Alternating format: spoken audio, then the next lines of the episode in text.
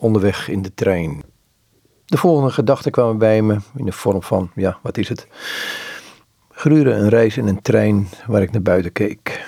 En dat doe je al vaker. Starend kijk je naar de ander. Kijken doe je al lang niet meer, want je ziet slechts jezelf, gereflecteerde leegte. In de trein spiegels naar het verleden. Vooruit snelt de toekomst op me af. Bewegen hoef ik niet. Ik sluit mijn ogen. De tijd staat ruimteloos stil in het heden. Naast mij zit Jezus, zijn hand in de mijne, stil wachtend op een uitnodiging. Ik kijk om me heen en zit in een lege coupé, waarin gedachten zich hebben neergevleid. Muziek dringt mijn hoofd binnen. Onbekende klanken, een bekende melodie. Ik luister in stilte naar de muziek. Binnengaats.